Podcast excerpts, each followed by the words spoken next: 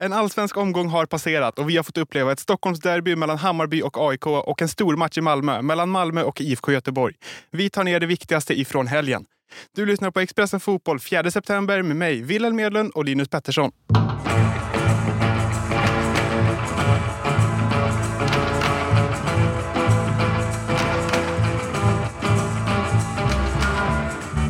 Vi börjar vid Stockholmsderbyt Linus och eh, det blev en målexplosion. Ja, det var en alldeles fantastisk match. Eh, både att se och att eh, prata om såklart. Det hände väldigt, väldigt mycket. Så det var roligt.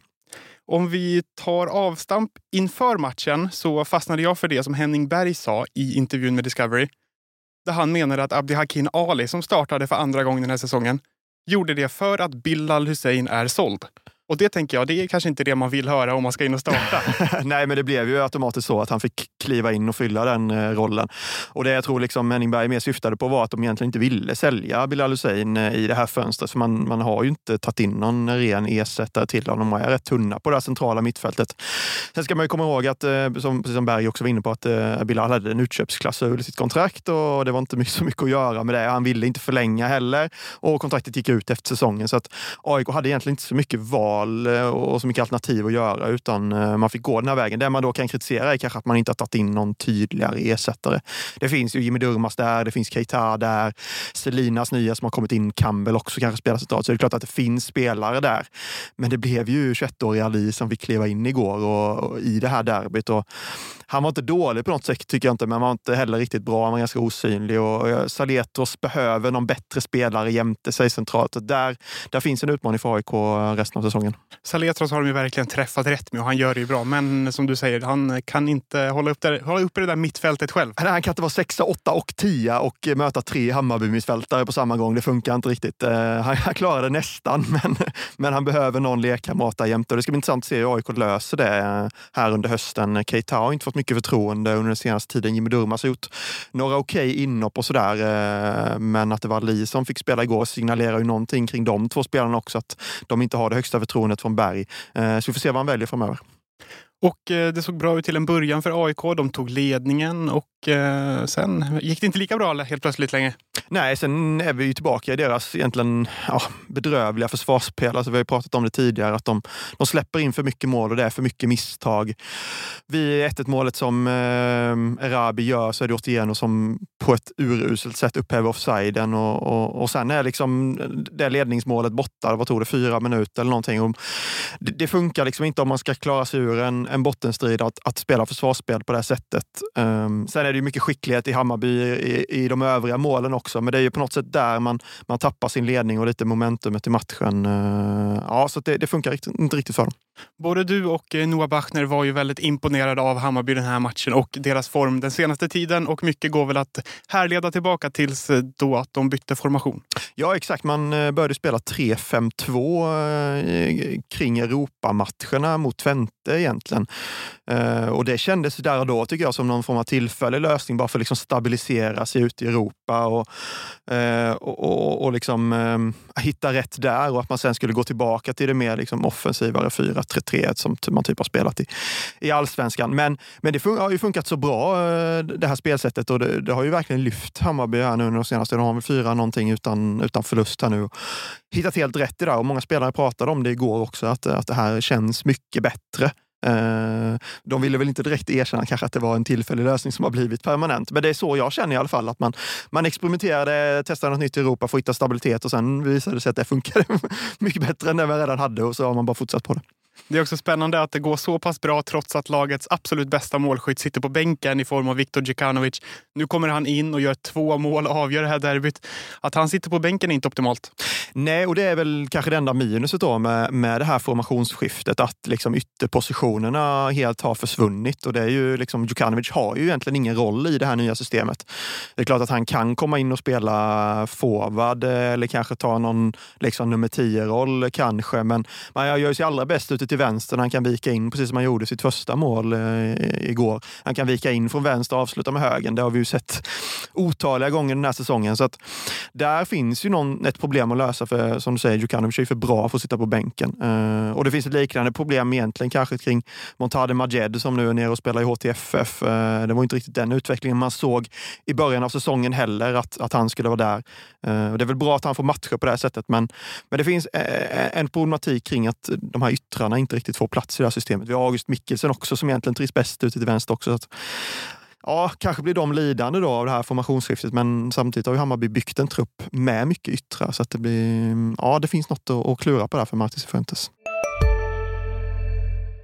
Välkommen till Coolbet där spänningen aldrig tar slut och underhållningen står i centrum. Här får du inte bara Sveriges bästa fotbollsodds. Du får också en spelupplevelse som är rättvis, transparent och framförallt rolig. För oss handlar det om mer än bara spel. Det handlar om att ta en paus, att våga chansa och att kanske vinna stort. Det oväntade gör varje ögonblick unikt. För dig över 18 år, stödlinjen.se.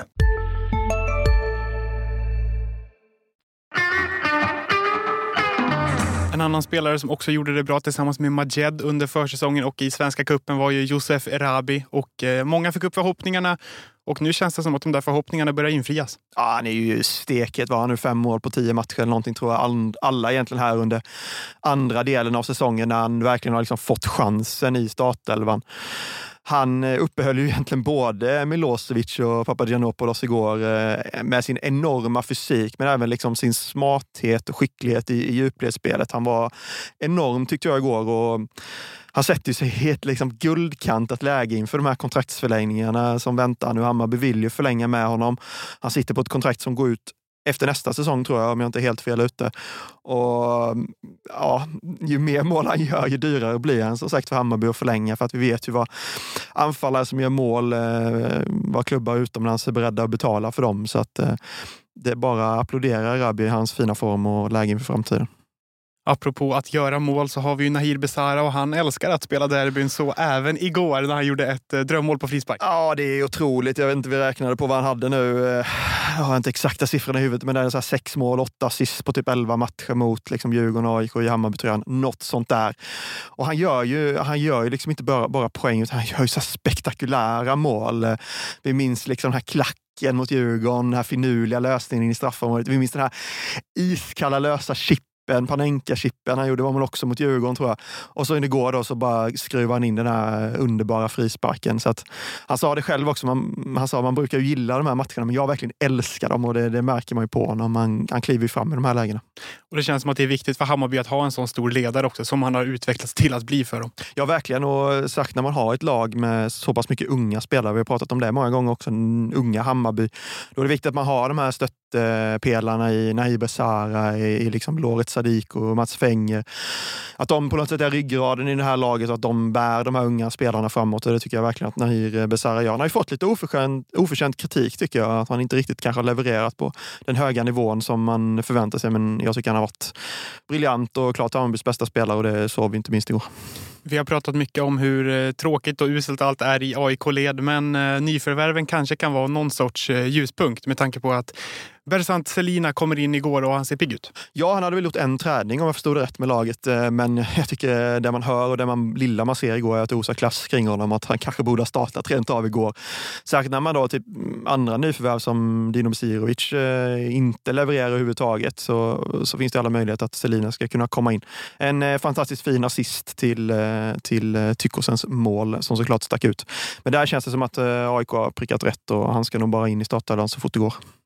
Men om vi tar och tittar på tabellen så ser vi att AIK har halkat ner på en kvalplats igen. Och eh, Degerfors vann mot Häcken, helt otroligt om jag får säga det själv.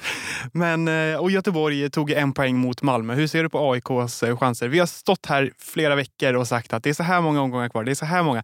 Men det blir ju bara färre och färre omgångar kvar. Ja, och det känns som vi har stått här också och liksom slått fast att de nästan är förbi den här värsta krisen. Och samma sak med IFK Göteborg. Men ja, nu har AIK 22 poäng, IFK Göteborg 23 och det är fortfarande liksom öppet på alla plan.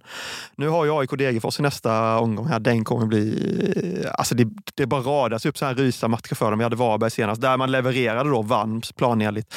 Nu kommer Degerfors, sen kommer Djurgården, i ett nytt derby och sen kommer Häcken. Alltså det är tre mardrömsmatcher noll poäng där och det, då, är liksom, ja, då står vi här och läget är ännu värre. Så att, ja, det, det är en jobbig höst för dem att, vänta och det känns som att vi kanske här, här från och med nu inte liksom ska slå fast någonting kring den här bottenstriden. För det, det, det kommer säkert svänga otaliga gånger under de eh, matcher som är kvar.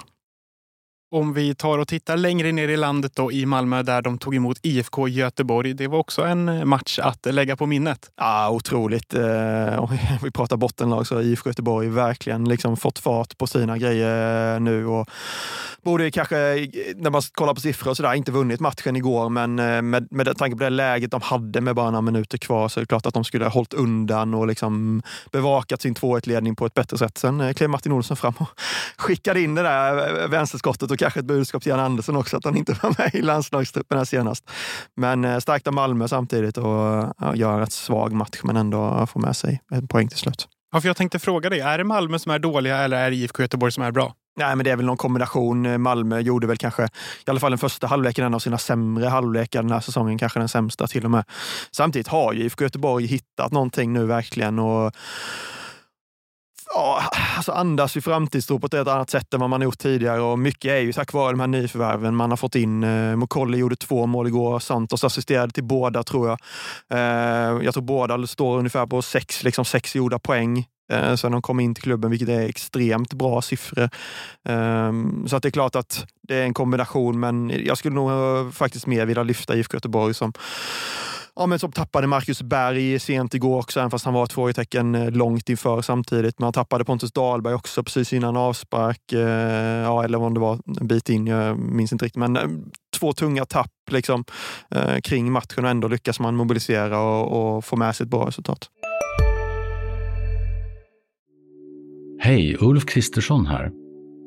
På många sätt är det en mörk tid vi lever i. Men nu tar vi ett stort steg för att göra Sverige till en tryggare och säkrare plats. Sverige är nu medlem i Nato. En för alla, alla för en. Har du också valt att bli egen?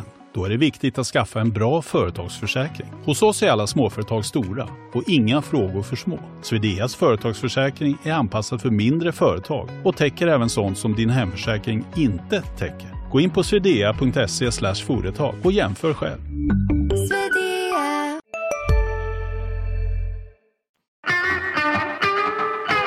Sebastian Anasi var inne på det när han pratade med Discovery, att eh, det är starkt av oss någonstans att kunna få en poäng fast vi är så dåliga. Det säger så mycket om vår högsta nivå. Det har han ju rätt i. Ja, det har han absolut rätt i. Samtidigt kan man ju undra varför, varför de inte levererar bättre med tanke på den truppen de har och alla de nyförvärven eh, de har gjort. Eh, man kan, eh, alltså alla lag har ju svackor och det har vi också pratat om tidigare, men Malmös svacka har ju blivit väldigt, väldigt lång och mycket längre än vad man trodde och tänkte. Absolut att man säljer spelare som Hugo Larsson, man tappar Anders Christiansen, att det kommer ta lite tid innan nya spelare kommer in i, i Rydströms spelsätt och i laget och sådär. Men det har ju tagit väldigt lång tid och eh, det tycker jag man kan ifrågasätta mm, snarare mer än att kanske prata om potentialen i deras högsta nivå. För den vet vi alla är hög, men snarare att man kan kritisera att de, att de inte är där i liksom, kanske ett av de mest kritiska lägena av säsongen. Och hur ser du på Pontus Jansson? Och du nämner honom som ett nyförvärv som behöver komma in i Rydströms sätt att spela och så vidare. Men igår gör han ingen toppenmatch och vissa ville till och med få honom utvisad efter en eh, tryckare på en IFK Göteborg-spelare. Ja, det var väl den allmänna bilden nästan. Att alla spelare utom Pontus Jansson hade fått ett, ett, ett gult kort till när han, när han tryckte ut spelare över eh, kortlinjen. Och det, det, borde han väl absolut ha fått. Eh, men det har väl inte blivit riktigt den effekten på, på hans hemkomst tror jag som varken han eller Malmö hade hoppats. Sen är det ju en, en klassback och det är klart att det kommer bli bli bra till slut. Men eh, han har också varit inne på att han är van att spela ett annat sätt, uh, på ett annat sätt i liksom England och, och Brentford och i, i, laget där. Nu, nu är det liksom Rydströms passningsorienterade uh, relativ, vad, vad, brukar, vad brukar han kalla det? Relation, uh, relationsspel. På exakt, exakt. Och det, det kanske tar lite tid även för en, även för en etablerad liksom Premier League-mittback att komma in i. Um, och det är inte bara han, det är ju liksom, de har ju värvat en hel drös med spelare som ska in i det här på något sätt. Men jag tycker ändå man kan kräva mer av Malmö. De borde vara på en högre nivå nu. Jag kommer inte att kräva dig på ett tabelltips idag. Nej tack, då går vi vidare. Expressen Fotboll är tillbaka redan imorgon och då blir det landslagsfokus. För att idag samlas landslaget inför landskamperna mot Estland och Österrike. Vi hörs då.